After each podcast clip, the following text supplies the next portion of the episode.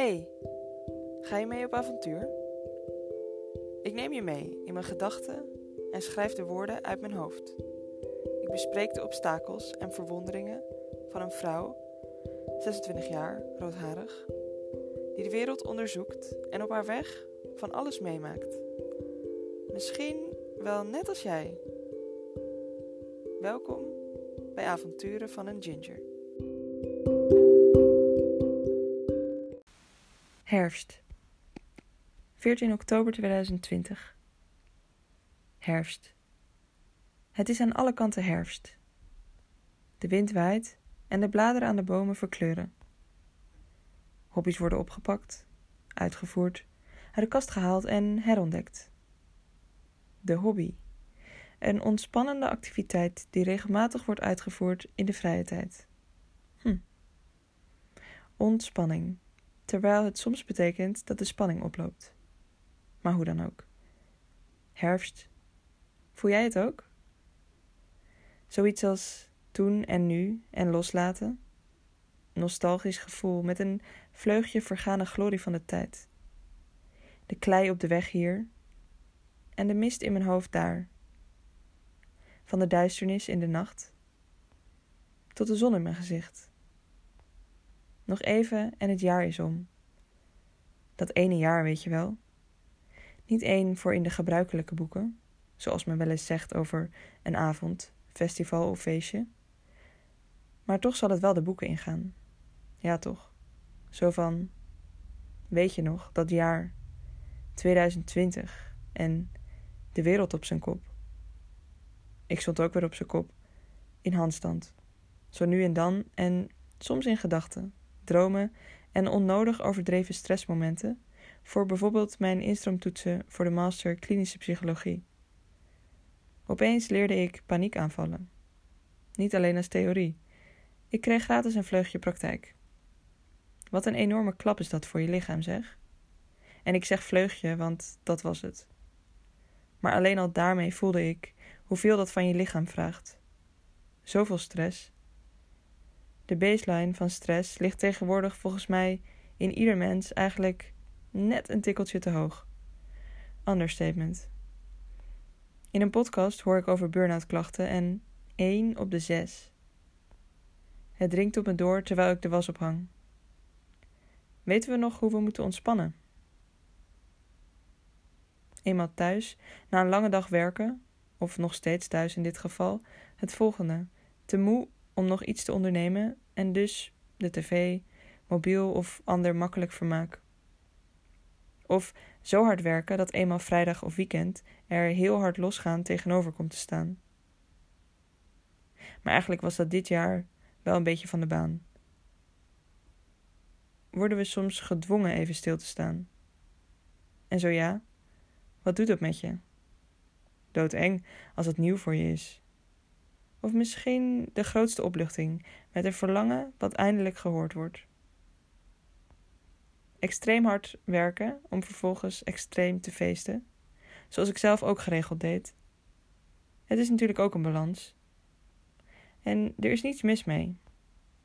Maar misschien bedoel ik hier vooral de rust om weer bij jezelf te komen. In contact met de stilte.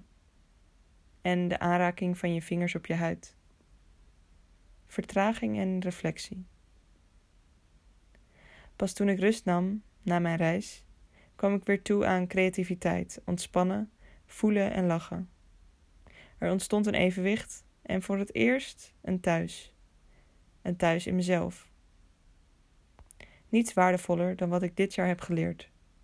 Natuurlijk voortbordurend op wat ik een kwart eeuw met mij meedraag, plus zoiets als vorige levens, de energie en een oude ziel.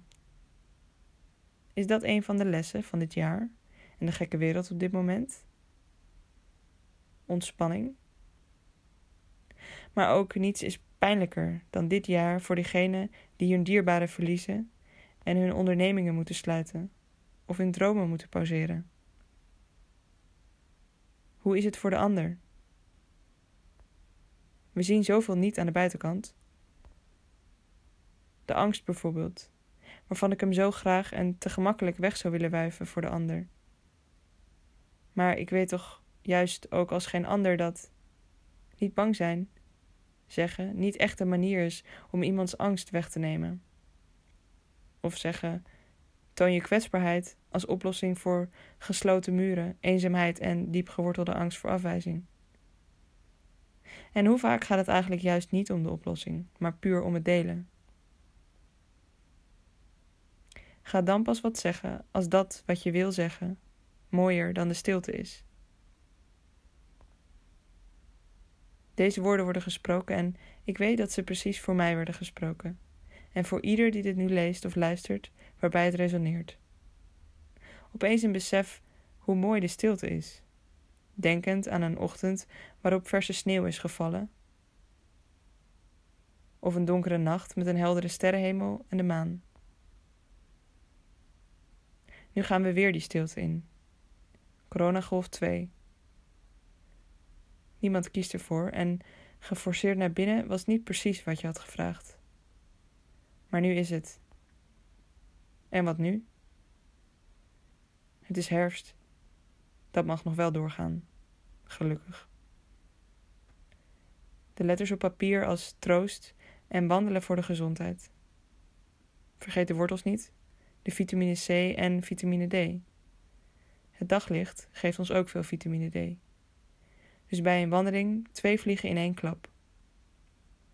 Of misschien nog wel veel meer. Want wat doet wandelen voor jou? Is dit dan zo'n moment om eens te vertragen? Elkaar aan te kijken, een bladzijde om te slaan en te richten op waar je op dit moment wel invloed op hebt. Zoals je glimlach in de spiegel, het begroeten van de wolken en je gezondheid mentaal en fysiek. Misschien. Misschien zie je voor het eerst de herfst, de pijn van een ander of de kans om jezelf opnieuw te ontdekken. En misschien wil je juist niet zien. Dan doe je toch gewoon stiekem heel even je ogen dicht. Liefs, Ginger.